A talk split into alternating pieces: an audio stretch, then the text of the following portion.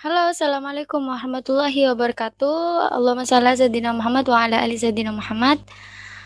Alhamdulillah di tanggal 11 Maret 2021, this is my first podcast in this year. Dan sesuai judul, uh, kali ini kita akan membicarakan tentang topik yang sangat inspiratif sekali. Dan gue di sini nggak sendirian, gue bakal ngundang beberapa tokoh atau case perempuan yang hebat.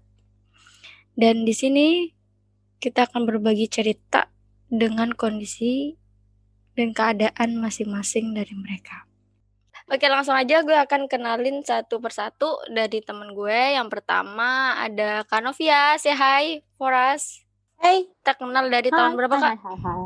Tahun 2015 deh. Iya, kita Nah, kenal 2015. dari eh, salah satu NGO ya. Kita belajar bahasa Inggris gitu. Oke, yang kedua, hmm, temen gue namanya Casey. gue pengen ngakak kalau inget-inget ini.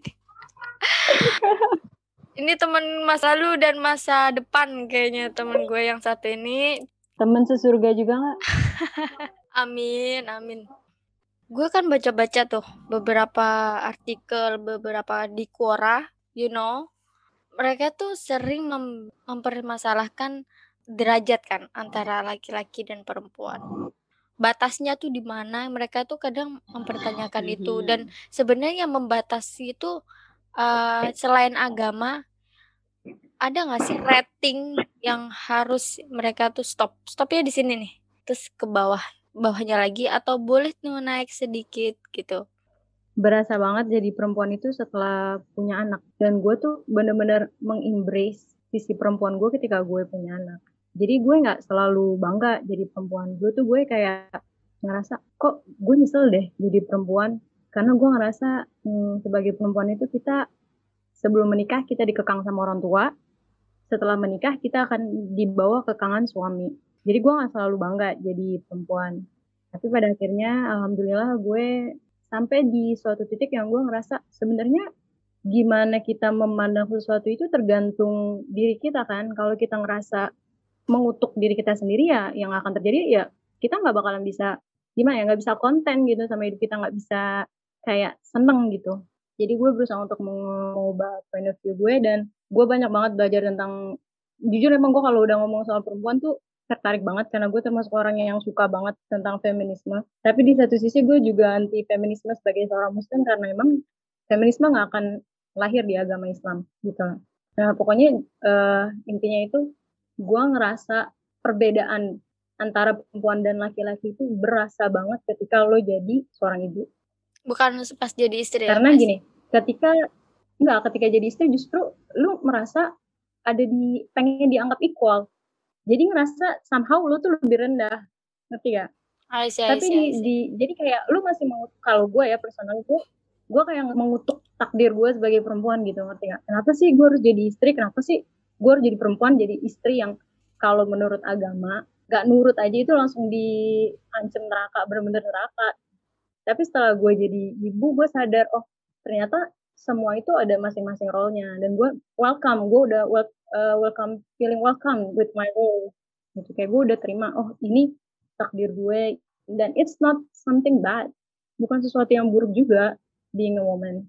Gue bisa simpulinnya yaitu lambat laun perempuan itu kayak antara pener- seperti penerimaan gitu gak sih? Penerimaan bahwa sadar pada batasan dia, pada kodrat dia dan bakalnya dia jadi dari mulai jadi anak hanya jadi istri kemudian jadi ibu. Kan kayaknya eh, apa ya profesi berganti berganti itu akhirnya berujung ke penerimaan gitu. Karena gue tahu kalau ego ego tuh yang bikin kita tuh berat di situ. Bertentangan apalagi baru fase-fase penjajakan yang baru men- itu ya memasuki eh, dari mulai single sampai jadi istri kan gitu. Em, sebelumnya buat para pendengar jadi eh, untuk Kanovia ini dia ini seorang yang cantik multi talented suaranya bagus dan skillnya tuh banyak Hmm. gitu yang dia tahu dan jago matematika banget gue gak ngerti lagi tuh otaknya terbuat dari apa permisi dulu nih gue nanya.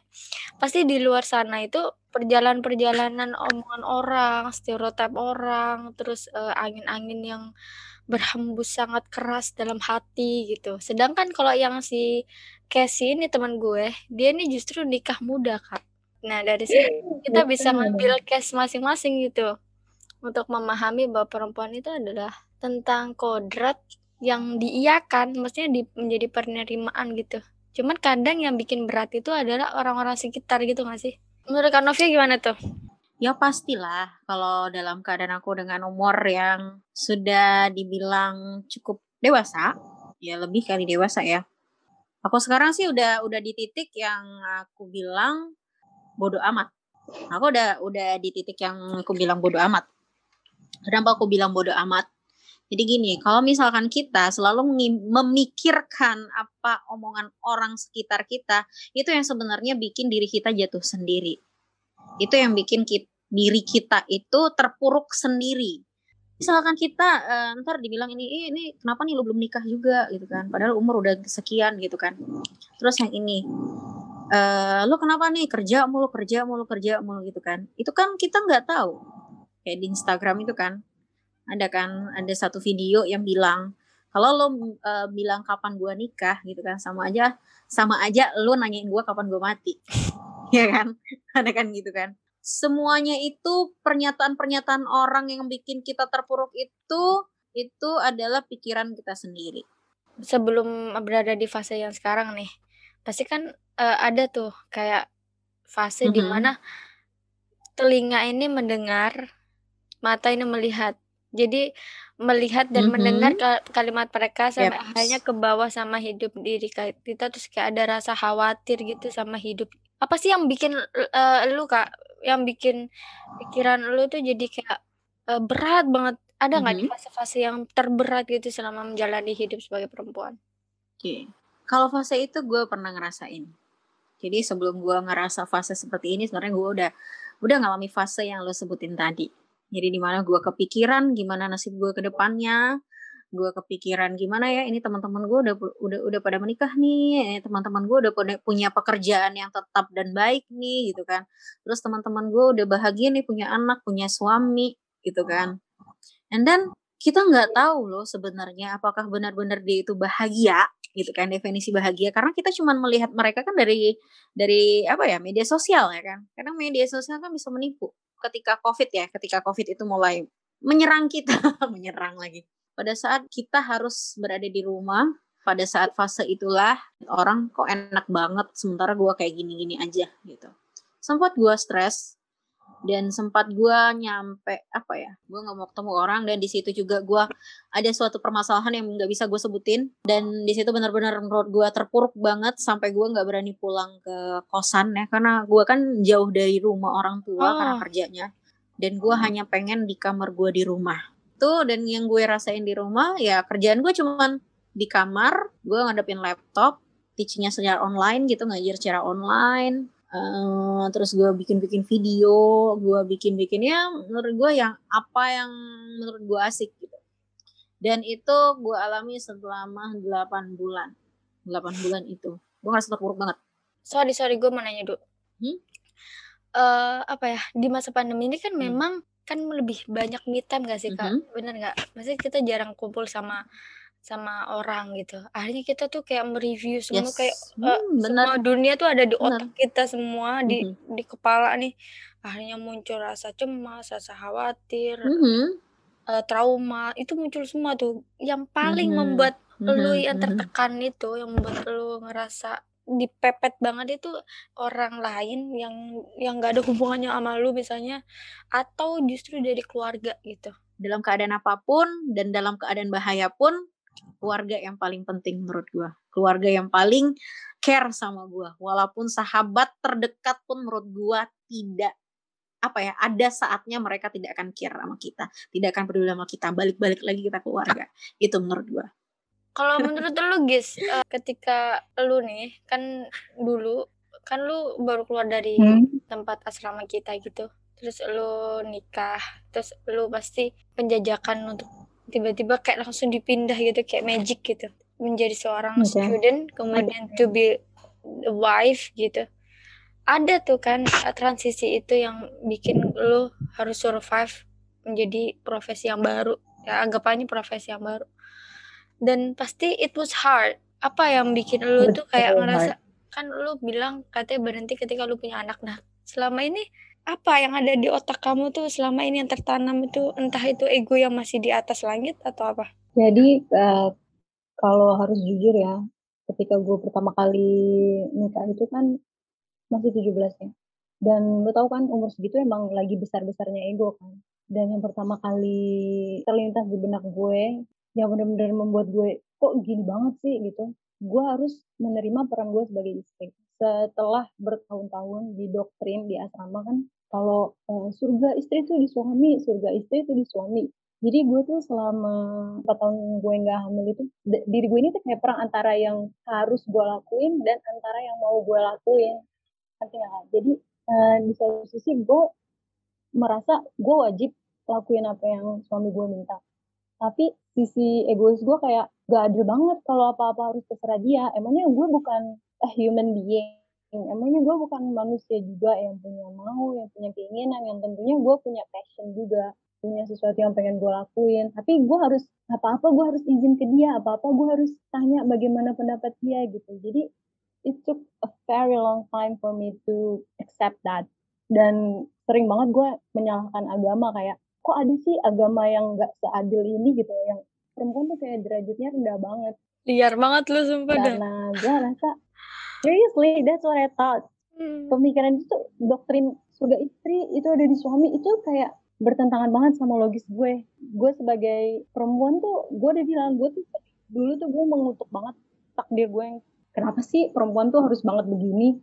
Kenapa sih cuma perempuan doang yang harus kayak kalau keluar harus izin suami mau pulang mau kagak nggak ada urusannya gitu kan?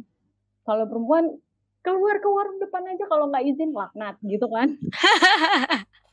jadi gue tuh kayak bertanya-tanya kok kok ada gitu? Kok ke Allah itu kan adil. Ini uh, dulu ya zaman-zaman my darkest time gitu ya. Allah itu kan adil. Masa yang begini disebut adil gitu? Dan ini gue harus akuin juga ya sebenarnya gue mulai mengembrace sisi perempuan gue itu ya karena gue mulai kembali lagi ke pelajaran agama. Dan pelajaran agamanya yang yang bukan gue juga kalau belajar agama milih kak. Jadi sekarang tuh gue nggak nggak kayak mama ya kayak dari guru-guru yang di asrama itu gue kayak nggak terlalu mepet ke sana juga. Karena gue ngerasa karena gue ngerasa kalau gue belajar di sana apa yang gue pelajarin dari beliau-beliau itu itu nggak membawa kedamaian dalam diri gue. Gitu. I know they mean well. Gue tahu yes. mereka pasti maksudnya baik tapi I got you. mereka nggak klik aja gitu Iya, iya, iya. Enggak klik, bukannya berarti gue nggak menghormati, gue masih, masih respect, masih menghormati mereka. Dan yang sama ini mereka ajarin ke gue itu seakan-akan mengajarkan kalau Allah itu berpihak sama laki-laki, ngerti nggak? Sampailah gue ketemu sama seorang Islam, mak maksudnya orang yang taat agama banget gitu. Waktu itu gue nggak ikut salah satu seminar dia tentang feminisme dan yang per, paling pertama gue yang kata-kata dia adalah dalam Islam feminisme nggak bisa lahir karena nggak ada agama yang memuliakan perempuan lebih dari Islam. Dari situ gue mulai, oh iya ternyata gender itu ya cuma gender.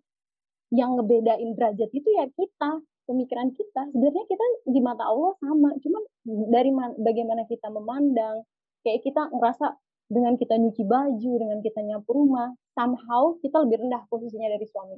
Padahal enggak, itu tergantung dari mana kita memandangnya. Bisa jadi suami ngerasa istri ini derajatnya lebih tinggi karena kalau tanpa istri gue nggak bisa makan gue nggak bisa tidur baju gue nggak ada yang nyuciin nggak ada nyetrikain gitu. Jadi semua itu kembali kepada sudut pandang kita dan emang Allah itu adil tergantung gimana kita memandangnya gitu okay. pak gue bisa ambil titik tengah nih ya. Kalau di kondisi Kanovia itu dia survive dengan kesinggelannya dia uh, apa ya namanya mentalnya, fisiknya, feelingnya dia survive dengan dirinya sendiri. Jadi kalau ada gencatan dari luar, she have to be stay on positive gitu. Sedangkan kalau lu lu justru tertekan ketika lu ada orang-orang orang itu entah lu suami entah anak jadinya lu ngerasa tertekannya di situ karena idealis lu yang melawan gitu jadi sama-sama survive sebenarnya dan kalau uh, dibilang orang luar bahwa masih single aja kesian kayak orang yang single tuh kayak kesian gitu ya kayak orang miskin di dunia gitu orang yang single itu. Padahal di dalam pernikahan juga ada ujian-ujian yang bertentangan yang begitu banyak gitu loh. Sama aja bos gitu loh maksudnya. Jadi terkadang uh, yang bikin ribet itu sebenarnya bukan bukan dari masing-masing perempuan itu tapi lebih kepada mengimani stereotip-stereotip yang ada di luar sana bahwa perempuan tuh harus begini, umur segini harus begitu. Kemudian nanti kalau telat dikit ntar nggak punya anak segala macam. Dan uh, salah satu yang narasumber yang kita nih hari ini cuman dia lagi berhalangan, uh, dia sempat cerita bahwa dia bahkan sampai pernah di dikatain orang di uh, deketnya sebelum akhirnya dia sekarang menikah. Jadi beliau termasuk telat menikah tapi ketika dia menikah itu kayak merasa itu goal banget gitu. Dia sangat-sangat bersyukur. Dan di fase itu di fase itu dia sempet dibilang nggak bakal punya anak saking dibilang telatnya sama manusia manusia yang begitu begitu hmm. dan alhamdulillah sekarang kondisinya dan kondisinya sekarang dia lagi hamil gitu. Kayak dia bangga banget dan dia bahagia. Bahkan sempat menjalani fase-fase di ghosting tiba-tiba ditinggal tiba-tiba di ya banyak lah uh, hubungan-hubungan gagal-gagal gitu. Jadi sebenarnya polanya menjadi perempuan itu bukan hal yang ditakutin gitu tapi lebih kepada apa-apa yang bagaimana menjalaninya sesuai zona waktunya masing-masing tapi gini kak, lu sebel gak sih kadang masyarakat tuh lebih menekan perempuan ketika dia telat nikah daripada laki-laki. Kayak kalau perempuan yang telat nikah tuh, lu kapan nikah? Lu kapan nikah? Lu kapan nikah? Bener gak sih? Kalau kan kayaknya kalau laki-laki santai aja gitu. Kalau gue simpelnya gini, Kes. Ketika kita nggak cocok dengan kondisi itu atau membuat kita merasa tertekan dan gue nggak harus nurutin omongan lu yang lu yakinin oh. dan akhirnya gue mengorbankan zona waktu yang gue punya gitu stok waktu yang gue punya akhirnya gue minggir tuh. Gue pindah ke haluan yang lain. Karena gue sering dibilang kayak buat Kanovia juga buat lu lu paham kan istilah beta female alpha female gitu kan? Gue ya, gue adalah orang yang sering dijudge bukan karena gue eh, nggak uh, laku ya tapi lebih kepada orang pada takut sama gue yang katanya gue terlalu pintar atau gue terlalu yang profesional yang gue seorang backgroundnya arsitek gitu-gitu. Itu yang bikin justru laki-laki tuh katanya takut sama gue. Dan itu kayak ngerasa adil gak sih? Boleh gak sih kayak gitu? Dan itu akhirnya uh, pemikiran itu hanya itu tuh ngeracunin pikiran orang yang memang sebenarnya nggak begitu awalnya jadinya berpikir yang sama. Gitu. Menurut lo gimana tuh? Kalau dia ngejauhin lo karena lo ada tanda-tanda alpha female ya thank lu gak sama dia lah. Berarti dia gak bisa terima lo apa adanya. Maksudnya kalau emang udah suka emang udah pokoknya gue mau perempuan ini ini harus jadi ibu dari anak-anak gue. Apa pun itu kata orang dia gak akan peduli kalau emang laki-laki yang serius ya jadi kalau emang ada laki-laki yang tiba-tiba ngejauh sama lo gara-gara dia ngerasa oh kata orang-orang dia terlalu female ya lo bersyukur. We don't need those kind of guys in our life kita nggak butuh orang yang berusaha buat ngerubah kita. Kita butuh orang yang support kita. Kita mau berubah atau enggak, itu kembali ke diri kita. Karena kalau perubahan dipaksa orang tuh nggak akan terjadi juga. Yang ada malah kita akan mengutuk diri sendiri dan mengutuk orang itu. Gue sempet loh mengimani stereotip yang di luar sana itu sampai gue rasa stres banget. Emang gue sampah banget ya. Emang gue dikutuk gini ya, gitu.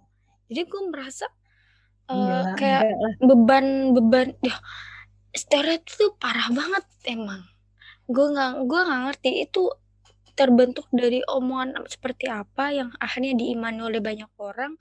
Dan itu bikin merasa ternekan uh, setiap perempuan tuh kan punya case masing-masing ya. Gak semuanya orang itu ya ada introvert ada extrovert ada ambivert ada yang alpha ada yang beta. Kan macam-macam kemudian dipukul rata dengan ada stereotip itu kan nggak masuk akal mm -hmm. menurut gue seperti yang lo bilang lu nyari uh, namanya uh, ceramah yang begitu-gitu yang agama-agama itu lu milih-milih. Kadang gue paham karena gue juga gue orangnya milih-milih.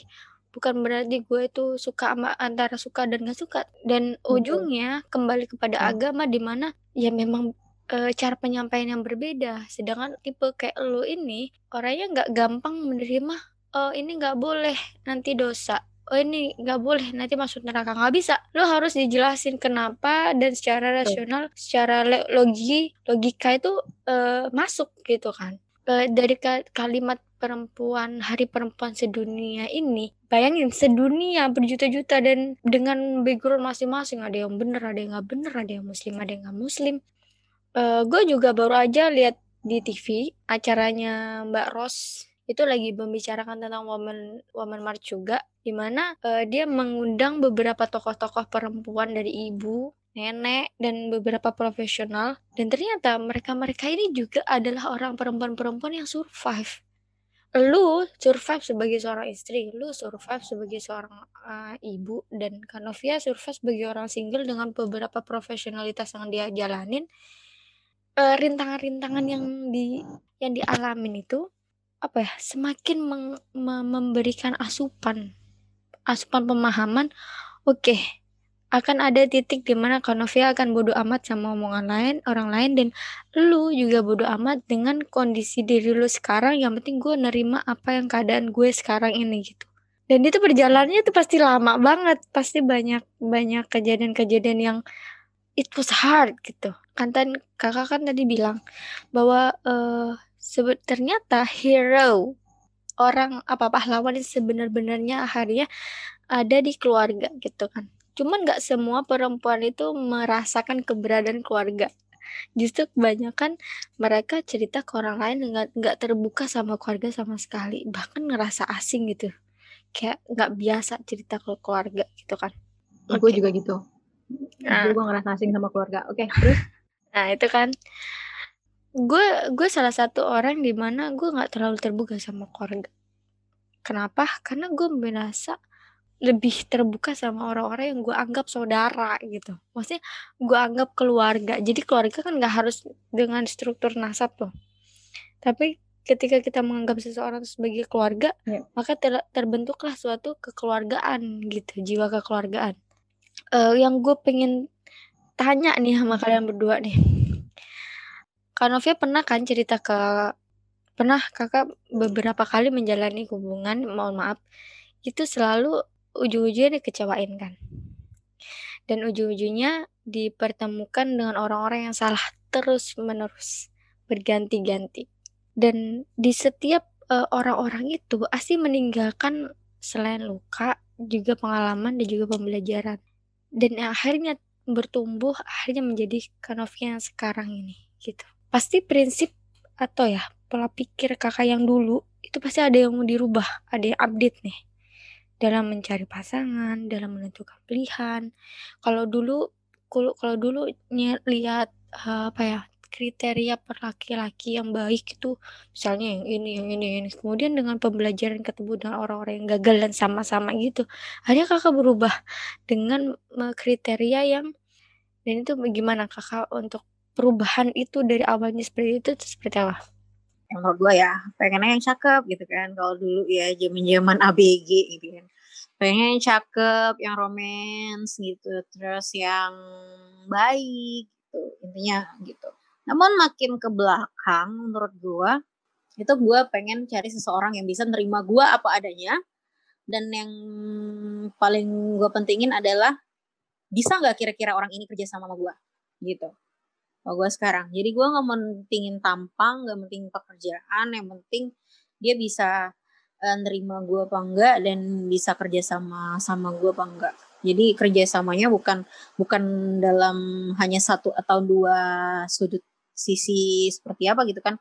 Dalam segala hal seperti itu. Masa ke masa masa ke masa yang membuat gue harus sakit hati dulu gitu. Harus terjatuh banget bangetnya dulu gitu. Dan pada akhirnya sekarang gue mikirkan hanya seperti itu. Karena kenapa? Ya yang namanya rumah tangga menurut gue ya itu bakal kita jalanin selamanya jangan sampai ya kenapa berumah tangga terus ngerasa bosan terus cerai. Itu kan paling dilaknat nih kali gitu. Lo kata kayak sih dilaknat neraka gitu neraka sebelah sana gitu gimana nih jadi perempuan hmm, kanan kiri gitu. neraka terus iya iya iya kanan kiri neraka terus sih kan setuju gak sih ada orang biasanya begini pokoknya Mhm. umur segini gue mau nikah Hmm. gue nikahnya umur segini gue gue Hmm. jujur ya gue sempat mikir gini apa sih orang itu yang yang membuat orang itu gue nggak tahu nikahnya kapan. Kan tinggal nikah nikah aja gitu. Gue sempat berpikir kayak gitu yang bocah banget ya. Tapi semakin semakin Mhm. dewasa semakin ketemu dengan banyak orang akhirnya sharing sharing dan salah satu nih Casey nih salah satu orang yang kayak ngerasa gue gue, ini muridnya dia. Karena gue belajar eh, apa ya mungkin mungkin nih dulu kalau gue nikah dulu nikah muda kayak dia nih mungkin gue bakal kayak dia nih Ya, gue kenapa emang? Gue kenapa emang? gue udah kebaca loh. Gue kebaca dari mulai gue jadi inin dulu. Gue udah kebaca lu otaknya nggak bisa pakai langsung ini A B C kalau nggak A B C ya kagak gitu. Nggak bisa lu kayak gitu tuh.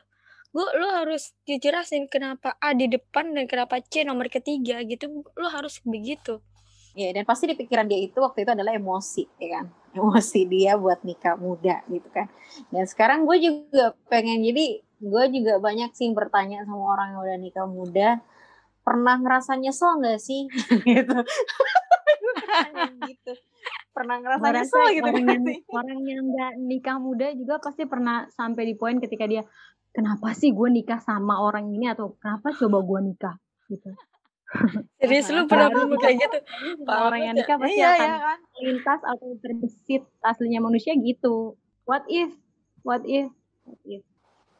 lu nggak pernah merasakan gagal hubungan Eh, atau ditinggal ghosting ghosting ghosting ghosting terus apa yang toxic toxic gitu lu belum nggak ngadepin ya Masuk ke asrama juga gue nggak terlalu care sama boys ya. Gue nggak terlalu memikir. Maksudnya kalau soal percintaan, gue nggak terlalu kayak delving too deep into into that. Gitu. Kayak gue nggak terlalu memikirkan terlalu banyak soal itu. Mungkin karena gue nggak terlalu mikirin, jadi gue ketika ada laki-laki yang datang ngelamar, oh ya udah ayo sok atau gitu kali ya. ya ada orang nih Ya udahlah yang ada aja gitu kali ya. aja banget ya Enggak, tapi karena emang gue nggak pernah punya permasalahan masalah di nggak ada kriteria gitu. Kayak, khusus kan waktu itu kayak, nggak ada kayak kriteria misalnya gue kalau sekarang, betul, gue sampai sekarang nggak punya kriteria khusus laki-laki terus gimana gimana gimana. Dan karena emang nggak bisa, gue udah punya, udah kawin, udah punya laki. emang gue nanya gue nanya lu pernah ngerasa nyesel gak sih kayak dibilang Kanovia tadi lu pernah ngerasa nyesel gak nih gue pernah, gue pernah ngerasa nyesel awal-awal nikah, setahun nikah tuh kan gue coba cari beasiswa ya buat kuliah. Waktu itu umur gue 18 kalau nggak salah. Gue keterima beasiswa di salah satu universitas di Jogja. lu mau nikah kayak masuk mos tau nggak Enggak, gue enggak gue gini ya. Gue berharap ada buku panduan menikah. Itu gue nggak pengen ditulis sama laki-laki. Gue pengen ditulis sama perempuan. Pernikahan itu adalah sebuah roller coaster yang lu nggak tahu kapan tanjakannya, lu nggak tahu kapan turunannya, lu nggak tahu kapan bakal berhentinya tuh lu nggak tahu ya kan pernikahan. Kalau menyesal ya pasti pernah lah. Tapi manusia pasti pernah menyesal. nyesel nikah parah banget ya Pernah menyesal ada laki tapi lu nggak sekarang udah nggak nyesel. Oh. oh ya oke Itu enggak untung, untung dia di kamar, di kamar aman ya aman-aman. Kayaknya udah tidur. Sekarang malam Jumat. Gak usah dilihat ngingetin juga bos gue ngerti Gue cuma sekarang malam Jumat tapi dia udah tidur gitu ngerti gak? kak maaf ya gak gak gak Gue Eh, maaf kan ya, maaf ya kak ya. kan lu belum pernah Hmm. punya kriteria tuh ya lu ada yang datang ke lu lu okein aja gitu dan ketika dan gue ini kak Hmm. ya ini jujur nih gue ada grup sama dia nih cuman berapa orang doang dan dan semuanya udah nikah kecuali gue dan setiap gue ngobrol tentang hubungan gitu-gitu pasti pasti keluar dari mulut mereka mereka ber- bertiga nih selalu ngomong biarin zona waktu itu yang berjalan. Take your time, gak usah buru-buru. Nggak ada nggak ada yang nyuruh lo buat sekarang juga ayo cepetan. Nggak. Take your time. Karena kalau kita dipaksa nanti ketika lo menghadapi problems lo akan coba gue nggak dengerin dia ya. Lagian sih aduh gitu. Tapi ketika lo udah ngerasa oke this is my decision this is my time ini udah tepat waktunya dan lo jalan itu dan lo akan ngerasa ini keputusan gue. Gue harus menghadapi konsekuensinya gitu. Tapi kalau lo dipaksa atau bukan karena kemauan dari diri sendiri keinginan untuk menyerah tuh lebih lebih besar kak. Hmm. bener deh. Di awal-awal itu tuh gue aduh kalau lo tahu. Gue sempet menghilang juga kayaknya di awal-awal tahun pernikahan gue nggak ada kabar nggak ada menghilang dari permukaan bumi. Itu lo masih belum menerima kan berarti posisinya? Betul. Padahal di asrama kita tuh kayaknya ngelihat yang sono nikah yang sono nikah udah kayak gupuh gitu kayak ada kompetisi ada olimpiade yang harus tapi gue emang menyusul. Itu gue dari awal ya kak dari kita di asrama juga. Maksudnya kayak teman-teman kita yang nikah muda banget ada yang bahkan yang lebih muda daripada gue gue agak skeptis sih. Maksudnya kayak lu masih 15 lo lu ready ngeladenin orang? Maksudnya mengutamakan orang lain. Lo. Bisa ngomong lu masih 15 lo lu re lu udah siap bangun pagi nyeting nasi gitu tapi hanya lu ngejalanin itu kan? Iya masa gue mau ngejalanin? Terus gimana gue mau nyerah? Iya tapi kan lu lu anggap aja pas lagi lu ngejalanin itu ternyata kayak gini ya gitu. Gue punya filosofi yang uh, intinya gini mungkin buat uh, hiburan juga ya buat Tanovia buat tetap semangat juga. Pernah kita ditemukan sama orang-orang yang sama dan membawa kegagalan dalam hubungan entah ghosting, entah toxic, entah posesif or anything else. Kemudian kita di kayak diterpental keluar gitu. Kita ditabrak ya kita lagi naik tikungan gitu kemudian kita ditabrak terus kita keluar dari zona uh, jalur itu tadi. Pasti kalau kita merasa insecure atau merasa I'm so bad I'm diverse to the that jadi kita kayak merasa pantas untuk mendapatkan uh, perlakuan seperti itu tapi ketika kita udah bertumbuh kita udah paham demi paham ternyata kita bukan bukan alam tuh me, apa ya menghina kita dengan syukurin memang lu pantas digituin. Tapi malah mikir kayak Allah itu uh, nyelamatin dari tabrakan di serondol ke ke jalan gitu. Jam lu jatuh tapi jatuh itu tapi sebenarnya diselamatin. Iya oke okay, kaki kita berdarah kena batu segala macem. Tapi sebenarnya kita loh jasad kita dan feeling kita diselamatin sama Allah gitu. Jadi kalau misalnya kita ketemu sama orang-orang gagal hmm. apalagi di judge orang yang maju wah di kondisi COVID-19 itu di bulan itu kak uh, itu it was hard. Karena keluarnya covid nih juga keluar juga tuh virus-virusnya di mana gue harus uh, mikir oke okay, gue harus pergi. Dan ignore semuanya orang-orang itu. Dan gue bener uh, gue setuju sama kalimat Kanovia bahwa ketika kita merasa tidak uh, tidak dihargai itu harga hargai diri kita hormati diri kita dengan pergi dari itu dan merapikan circle circle kita gitu. Jadi yang circle yang terdekat itu kita rapiin lagi tuh. Mana yang taruh di terdekat mana yang terjauh. Jadi kalau mungkin lu ya si Casey yang mungkin uh, dari awal memang langsung di, dikasih case sebagai seorang istri tiba-tiba keluar dari uh, like a student kemudian jadi wife itu bukan bukan orang lagi tapi lebih ke keluarga kayak keluarganya suami uh, keluarga sendiri kemudian lihat uh, teman sebayanya masih berkarya di luar sana. Gue cuma mau ngelurusin ya, uh, gue nggak punya suami yang yang otoriter, suami gue actually he's a very very nice guy. Tapi sebenarnya yang membatasi gue itu adalah pengetahuan gue kalau pokoknya kalau nggak nurut suami itu neraka. Sebenarnya suami gue oke aja selama selama itu masih nggak melanggar syariat suami gue oke aja gitu. Bukan karena suami yang nggak boleh begini nggak boleh begini gitu, tapi karena gue hanya ngerasa kayak gue ini punya suami terbatas gitu padahal actually he's not bad. Dia nggak seburuk itu. Berarti lebih ke komunikasi gitu. nggak gitu. sih? I realize that now. Gue sadar itu sekarang. Kan kita berdua nih memang belum menjajaki dunia itu ya.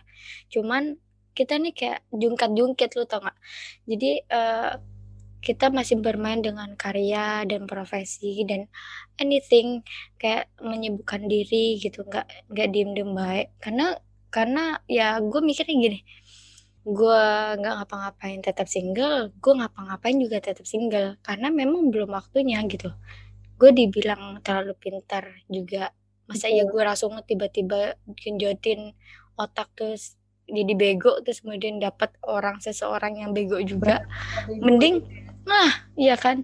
Jadi ya mending gue sekalian binterin gitu. Sekalian gue suksesin, sekalian gue do more gitu. Dibilang orang yang terlalu pinter ya udah berarti nggak harus membego-begokan diri untuk diterima gitu loh. Gue mikirnya begitu.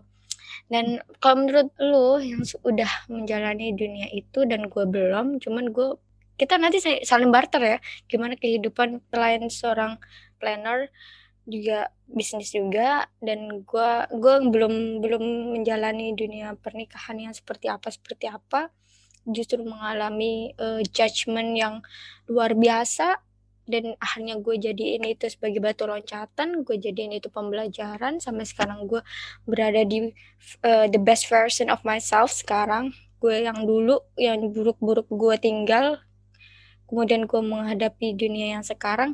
Dan lu juga seperti itu dulu yang lu nggak paham apa-apa sekarang lu oke okay, I'm best. Gitu. Jadi lu akhirnya merasa bersyukur.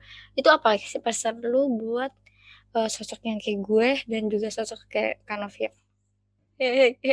Tunggu tunggu. Lu ketawa gak sih Kanovia lihat dia tuh liatin. Lebih merasa menuai gitu. Lu pakai kerudung setengah buka. Banyak mau. Udah lah nggak apa-apa kan kita cewek. Eh, kan? itu tuh itu lutut nyampe bengkulu loh. Tapi gue mau ngomong nih lupa ntar gue nih. My advice yang pertama dalam mencari pasangan hidup ya, mencari pasangan hidup yang pertama itu adalah lo harus banget cari sosok yang bisa mensupport lo, ngerti nggak? Jadi mau dia lebih rendah, mau dia lebih tinggi, mau dia sejajar, kalau dia mensupport lo, you're gonna be fine. Kita taunya itu dari mana? Gue rasa uh, lu bisa menilai dengan diri sendiri ya, mana orang yang sekiranya pura-pura mensupport sama yang memang asli mensupport lo. Itu pesan gue yang pertama karena dan kalian tuh bukan cuma orang yang sekedar bermimpi, kalian bergerak untuk meraih itu kan. Dan jadi kalau seorang gimana sih kayak orang yang passionate tiba-tiba didapetin sama orang kayak udahlah lo nggak bisa, udahlah nggak gitu. Itu pastinya kan sesuatu yang nyesakin dada banget kan. Jadi menurut gue adalah cari partner yang lo yakin dia akan mensupport lo gitu. Nah pesan gue yang kedua pernikahan. Yang tadi gue bilang take your time. Jangan dengerin apa kata orang. Screw them gak usah dengerin. Karena yang akan ngejalanin pernikahan itu lo. Yang tahu siapa atau enggak siapnya itu diri lo. Gue bukannya bilang gak usah. Gak usah ini gak usah buru-buru. Eh jangan sekarang. Ntar aja ntar dulu. Gue gak nyuruh ntar dulu. Gue cuma bilang take your time. Karena yang tahu siapa atau enggak siapnya itu diri lo sendiri. Jadi gak usah peduli apa kata orang. Karena ya gue tadi bilang kalau lo ngelakuin sesuatu karena suruhan orang gue tuh dua tahun pernikahan awal gue gue tuh kayak menggutuk banget orang tua gue ngerti nggak? Coba gue nggak dengerin mereka. Coba gue nggak ikutin apa kata mereka gitu. Dan gue nggak mau kalian menjalani hal yang sama gitu. Padahal sebenarnya uh, gue juga salah juga kan. Sebenarnya gue bisa aja nolak. Cuman manusia itu kan pasti akan cari salah dia nih. Nyalahin orang. Emang paling enaknya manusia tuh nyalahin orang gitu. Nah untuk menghindari hal itu lo harus tentuin diri lo sendiri nih yang bisa tahu oke okay, I'm ready. Ready atau enggaknya diri lo tuh yang tahu ya cuma diri lo gitu. Jadi pesan gue cuma dua itu aja. Cari partner yang mensupport kalian dan take your time. Nggak usah dengerin kata orang. Iya iya iya. Nggak usah terlalu tapi kata mereka gue udah umurnya. Duh emang ada panutan apa umur berapa harus nikah? Ya sih orang 25 tahun aja ada loh yang masih kayak anak kecil. Yes yes yes. I agree age that. it's just a number. Yes. Umur itu cuma cuma angka. Mm-hmm.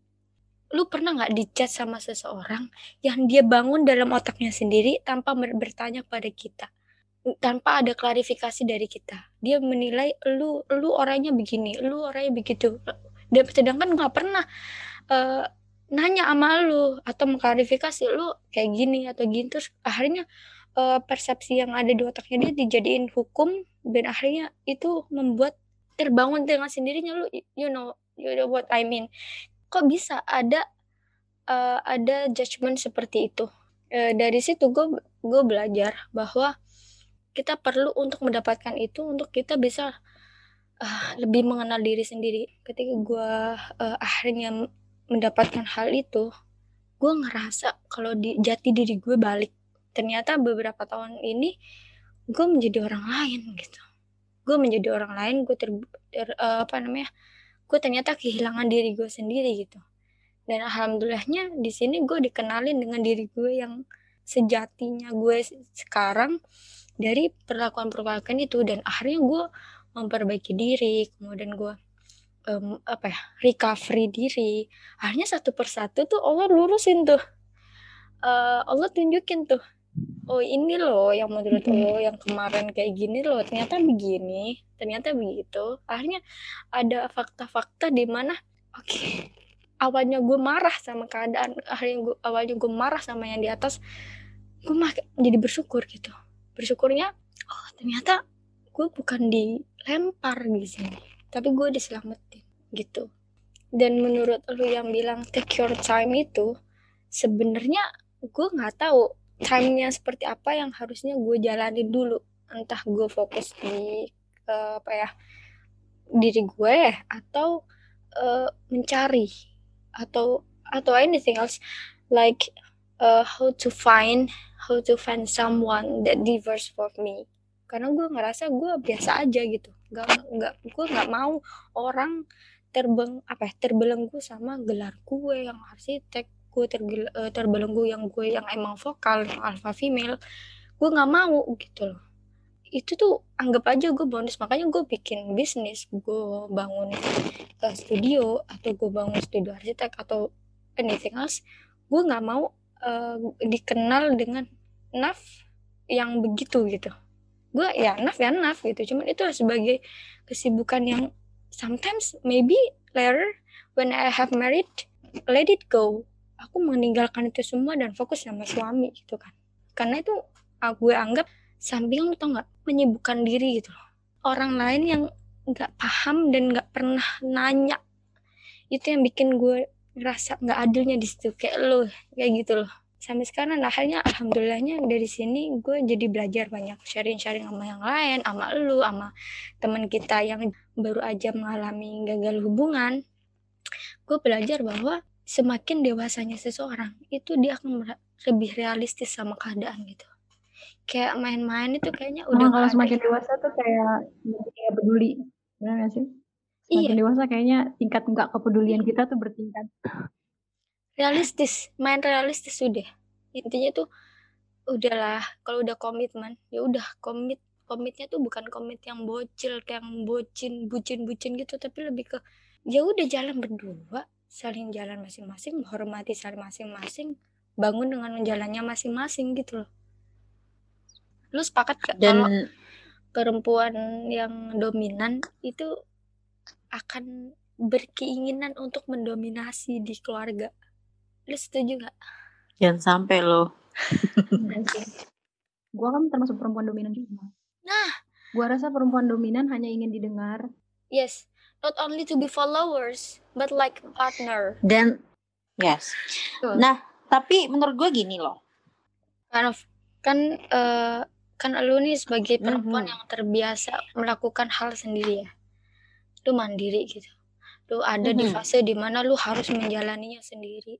Bahkan hal yang laki-laki pun tugas laki-laki pun lu udah pernah ngajalani itu sendirian ketika lu single. Jadi it's like uh, when hmm. you have married kan ketika lu udah nikah lu lu biasa aja gitu. Susah iya udah biasa gitu kan.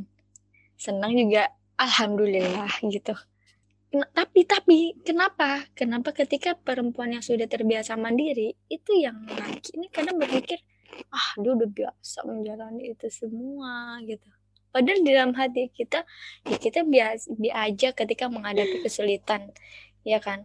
Tapi ya nggak gitu juga Bambang. Maksudnya kita perlu untuk tetap didominasi gitu. Hmm. merasa dilindungi kita merasa uh, apa ya kita dijaga hmm. gitu loh emang kesan lagi... didominasi itu jelek banget. Bukan didominasi juga sih sebenarnya makanya gue bilang tadi uh, eh, gue butuh orang yang bisa diajak kerja sama gitu kan. Gue hmm. butuh orang yang bisa diajak kerja sama ya partner of life gitu kan. Jadi gue pengen orang yang benar-benar di, eh, bisa diajak kerja sama bukan dari segi pokoknya dari, dari segi apa pun itu dan gue tidak tidak memikirkan lagi apakah dia cakep kah ataukah dia uh, beruang kah ataukah dia apakah atau dia cukup dengan apakah dia bisa bekerja sama dengan gue gitu kan. Karena gue pernah ngalamin benar kata si Casey tadi bahwa kita cari orang yang benar-benar ngedukung kita 100% gitu kan. Cari orang yang benar. Gue pernah nemuin orang. Gue udah berjuang sedemikian rupa gitu buat ngedapatin hal itu dan tiba-tiba dia marah gitu. Dia dia bilang kayak gini jadi gue ada gue tuh uh, dapat dapat sesuatu hal yang menurut gue yang luar biasa dan di hari itu gue dikasih dua pilihan. Pertama gue harus temuin dia atau gue harus pergi ngegapai apa yang udah gue apa yang udah gue apa idamkan selama ini gitu kan. Dan uh, pada akhirnya gue minta pendapatnya sama orang tua ya ayah kalau memang lu pengennya yang cita-cita lu yang udah lu idam-idamkan ini ya udah lu ambil aja dulu. Kalau masalah itu ntar belakangan bisa dilanjutin. Dia bilang gitu kan. Ya pada dasarnya kan kita yang anak perempuan yang belum bersuami otomatis kan kita ngedengerin ngedengerin orang tua ya kan. Ya udah. Dan hmm. finally dia itu marah ke gue gue berhubungan sama dia tapi dia bukan suami gue gitu. Dia dia bilang gini gue nggak mau ya nantinya gue punya gue punya istri yang lebih mementingkan karirnya daripada mentingin keluarganya. It's hello. lu bukan laki gua. Ketika gua udah punya laki, gua bakalan ngurusin lo, ngurusin anak dan ngurusin keluarga. Hello, lu bukan siapa-siapa gua gitu kan. Dan yang finally ya udah, kalau lo nggak setuju sama gue ya udah tinggalkan gue, lo cari aja yang lain. Good riddance. Bye. Gitu, gak harus gak harus menjelaskan dan, juga kan dan kita iya, bakal gimana ke depannya. Bilang, Hmm. Iya, gue nggak perlu ngejelasin gitu kan. Karena lu berharap yang gitu kan. Ya jadi pada hari itu juga ya udah say goodbye. Lu gak usah hubungin gue lagi, lu cari aja perempuan lain. gitu kan. Finish kan. Karena gue butuh orang yang butuh uh, nge-support gue gitu kan dalam hal apa pun. Kerja sama sama gue. Dan sekarang dia aja kayak gitu gak support gue gimana nanti gitu kan. No, no. jadi gue kayak di, di, di gitu gitu kan. Gue gak mau kayak gitu. Bukan, maksudnya uh, gue setuju sama yang diomongin sama Raditya Dika. Gak ada konsep uh, menjalin hubungan karena ingin dirubah. Karena manusia itu bukan adonan yang bisa dicetak. Ya. Jadi uh, kalau lu emang gak suka sama orang yang kayak gitu, ya udah lu cari yang lain jangan ada cita-cita ah nanti ke habis nikah kan nanti berubah. Kan ada tuh toxic positivity lu tuh you know tentang toxic positivity kayak ngerasa ah dia sekarang dia yeah. misalnya mm-hmm. nggak apa-apa nanti habis nikah kan bisa dirubah. Nanti gue didik biar jadi solehah. Oh gitu. my god. No. Per orang tuanya belum tentu bisa mendidiknya apalagi lu yang baru Please, enggak no. Kata gue sih ketika kita menjalin uh-huh. hubungan sama orang dengan keinginan gue pengen ngerubah dia itu udah salah Mm-hmm. Benar. Kita nggak bisa ngerubah. Gue sebagai istri juga nggak mm-hmm. bisa ngerubah laki gue supaya dia lebih open minded. Gue cuma bisa ya mensupport dia apa yang dia lakuin mm-hmm. ya gue support dengan harapan dia bisa mm-hmm. mensupport balik gue gitu dan perlahan-perlahan akhirnya yang tadinya kita dua lingkaran berbeda lama kelamaan mulai menyatu menyatu menyatu gitu iya sih benar-benar gue gue suka klise gitu mendengar orang ya nggak apa-apa nanti itu setelah nikah berjalannya waktu saling belajar siapa tahu berubah siapa tahu berubah. Emang pernikahan itu kayak sihir gitu masih kayak magic gitu. Ketika menjadi seorang yang hitam tiba-tiba habis nikah langsung jadi putih. Kayak aneh gitu loh. Apalagi nanti saya aku didik dia agar menjadi sesuatu gitu. Hey, sebelum nikah aja lu gak dicita-cita untuk merubah seseorang, orang tuanya aja belum tentu bisa gitu, apalagi lu. Makanya gue sekarang klise sama orang-orang yang kata-kata kata-kata bijak yang yang gak realistis, yang terlalu senja gitu, lu ngerti gak? Maksudnya terlalu senja lagi gue bilang. Iya. ini podcastnya di hate sama anak-anak senja. Aneh gitu loh. Apalagi dibangun dengan apalagi kalau misalnya udah siap nih, udah menikah, misalnya satu minggu lagi udah menikah, tiba-tiba uh, apa muncul permasalahan-permasalahan ya namanya mau nikah kan pasti ada permasalahan pasti ada ujian. Hey yuk ha kamu harus bisa pintar membedakan mana ujian mana uh, petunjuk. Uh, sebelum menikah mentang-mentang udah ready semua catering udah iya udah udah disebar semua everyone knows. Tahu semuanya dengan tentang rencana itu kemudian ada ada sesuatu yang kayaknya miss antara uh, belum tentu dia bisa menerima watak dia yang seperti itu. Akhirnya tetap di di apa ya tetap dikendalikan aku akan bertahan bertahan. Tapi kita nggak tahu di depan gitu. Kita nggak tahu ke depannya seperti apa. Jangan sampai bersatunya itu akan membuat you know ketika uh, utara dengan utara didekatkan bukan malah tarik menarik tapi saling menolak menolak tapi dipaksa untuk untuk menyatu tau nggak itu kan so hard gitu Untuk menikah itu ya lo harus take your time, jangan sampai jangan sampai ketika udah di depan mata lo baru sadar kalau ini bukan yang pengen lo lakuin gitu. Take your time dalam mengenal pasangan, take your time dalam mengenal diri lo juga. Gitu lo, lo harus lihat uh, dia cocok nggak ya sama gue atau gue siap nggak ya menghadapi dia yang kayak begini gitu. Nah, that's why. Jadi kalau ada orang yang bilang bahwa jodoh itu adalah cerminan kita dan memang sama dengan kita it's big no bagi gue Gak bakal sama loh. Yeah. Gak bakal sama. Tapi menurut gue yang namanya gue. jodoh itu dan bagi gue menurut gue gini ya. Jadi jodoh itu nggak gue belum gue sih dalam tanda gue belum berjodoh gitu belum belum belum belum menemukan gitu kan menurut gue sih yang gue pandang gitu menurut gue yang gue lihat-lihat sih menurut gue uh, yang namanya mereka berjodoh itu mereka ya ada plus dan ada minusnya dan mereka saling menutupi satu sama lain itu hmm. sih Oke, terima kasih untuk para pendengar. Terima kasih udah ngeklik uh, podcast ini. Gue berharap apa pun yang udah kita bicarakan bisa bermanfaat. Dan untuk teman-teman gue, Kanovia dan Casey, tetap semangat, do your best to be the woman, the great woman, dan stay positive. Dan bye-bye. Terima kasih buat Kanovia. Salam semangat. Assalamualaikum warahmatullahi wabarakatuh. Bye. Thank you.